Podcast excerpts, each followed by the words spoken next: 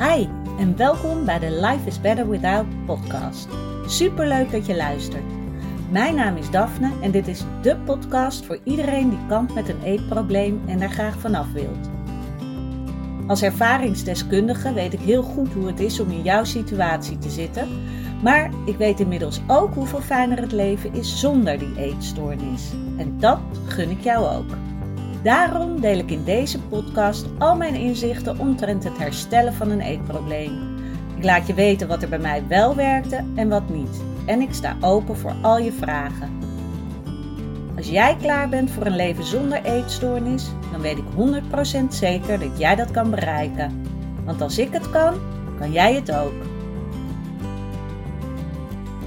Ja, welkom weer bij een nieuwe podcast-aflevering van Life is Better Without. Fijn dat je weer luistert. En in de vorige podcast vertelde ik natuurlijk al dat ik binnenkort ga starten met een dagdeel per week offline coaching geven. En daar heb ik ongelooflijk veel zin in.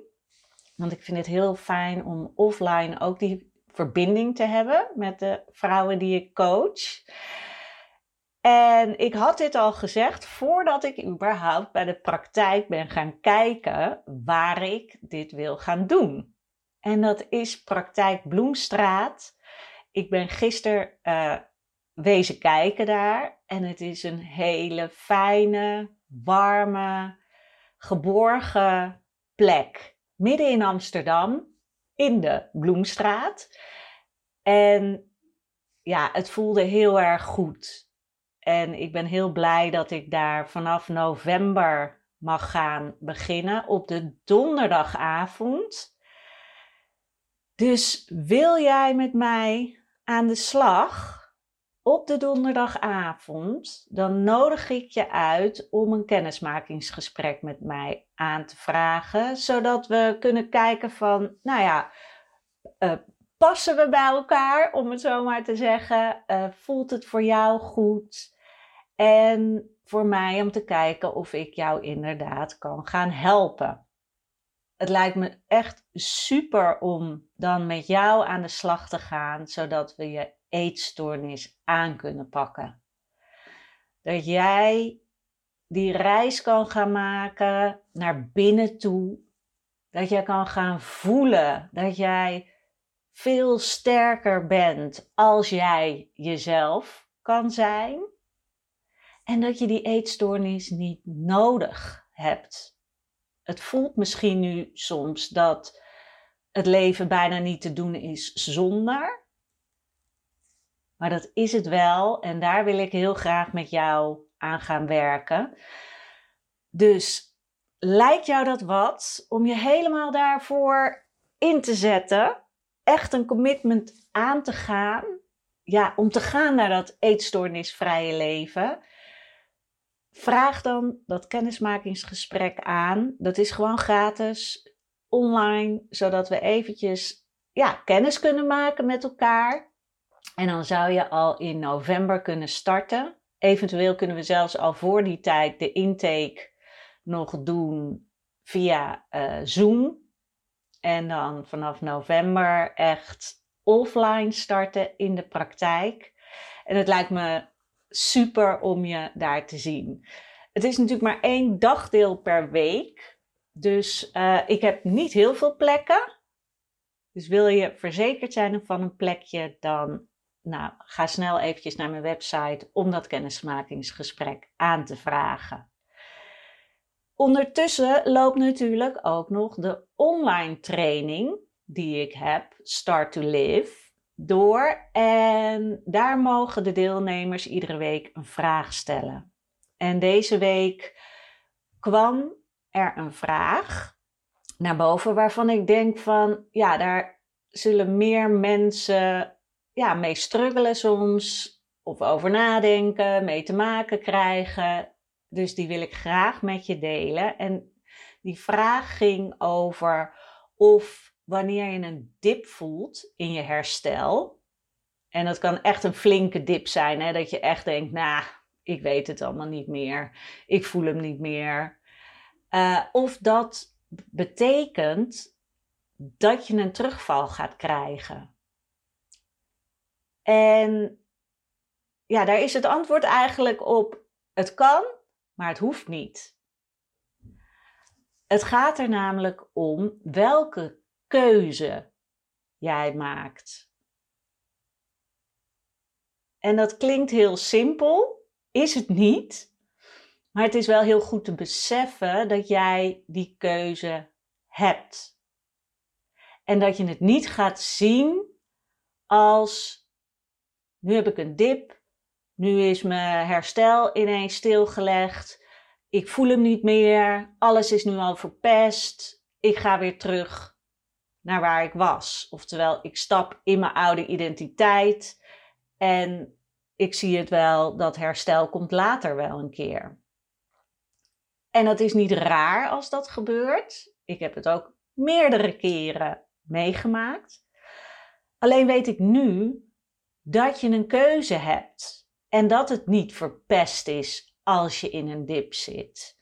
Dat je vanaf dat punt altijd meteen weer mag kiezen: ik ga wel verder. Dus in plaats van stilstaan, terugkijken, mag je even misschien iets langzamer lopen, maar je blijft wel naar de toekomst kijken naar de toekomst die jij wil hebben. En door dat te doen, blijf je voelen van ik blijf wel in beweging, misschien nu even wat langzamer en dat is oké. En het gaat er ook om dat je niet probeert die dip weg te duwen. Want dat is natuurlijk wat je eigenlijk wil. Je wil het niet voelen, want het is een naar rotgevoel. Daardoor ben je geneigd om in die oude identiteit te stappen die teruggrijpt naar de eetstoornis. En dat kan je herkennen door inderdaad de eetstoornisgedachten die ineens weer heel erg in je hoofd gaan opkomen. Want die is aan het trekken dan aan je. Van nee, kom maar weer hier.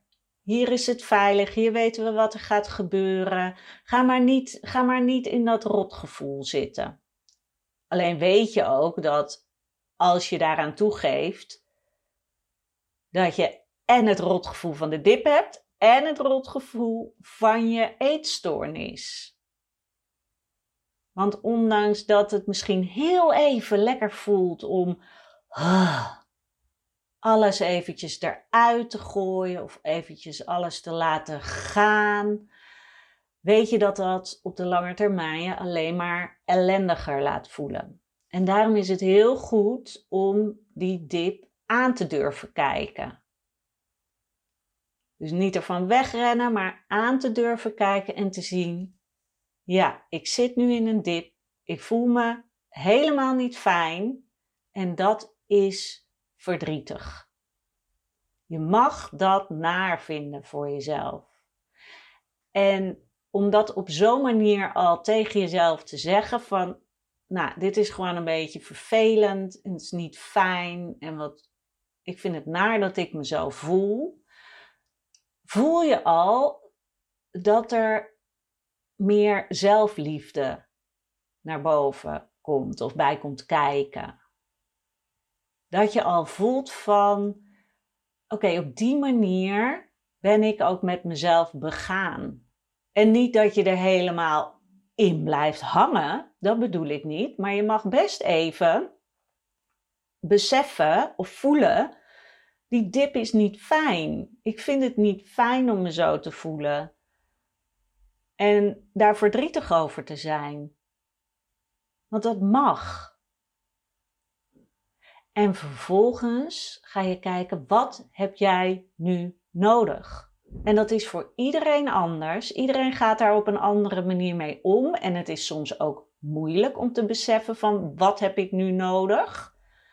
Omdat heel erg dat uh, vluchtgevoel eigenlijk erin zit van ik wil dit niet voelen en je wil ervan wegrennen.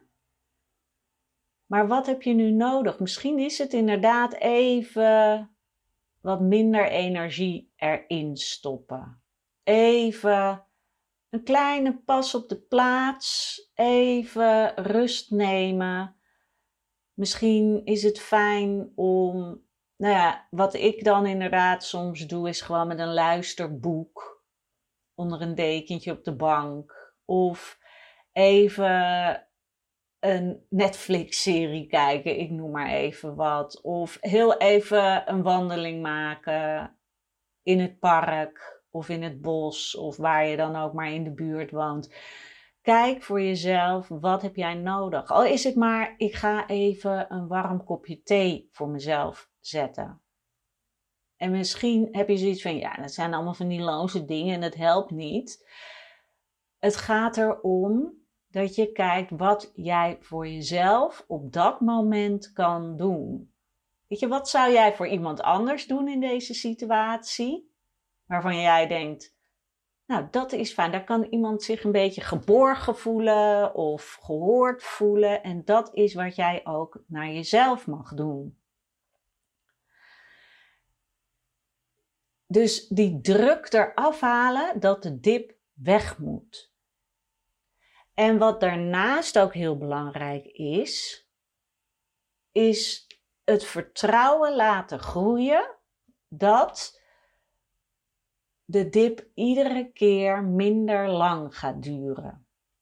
En dit heeft mij zelf heel erg geholpen, want ik had vroeger echt uh, van die dips, depressieve periodes, van meerdere weken achter elkaar. En dan dacht ik altijd, dit komt nooit meer goed.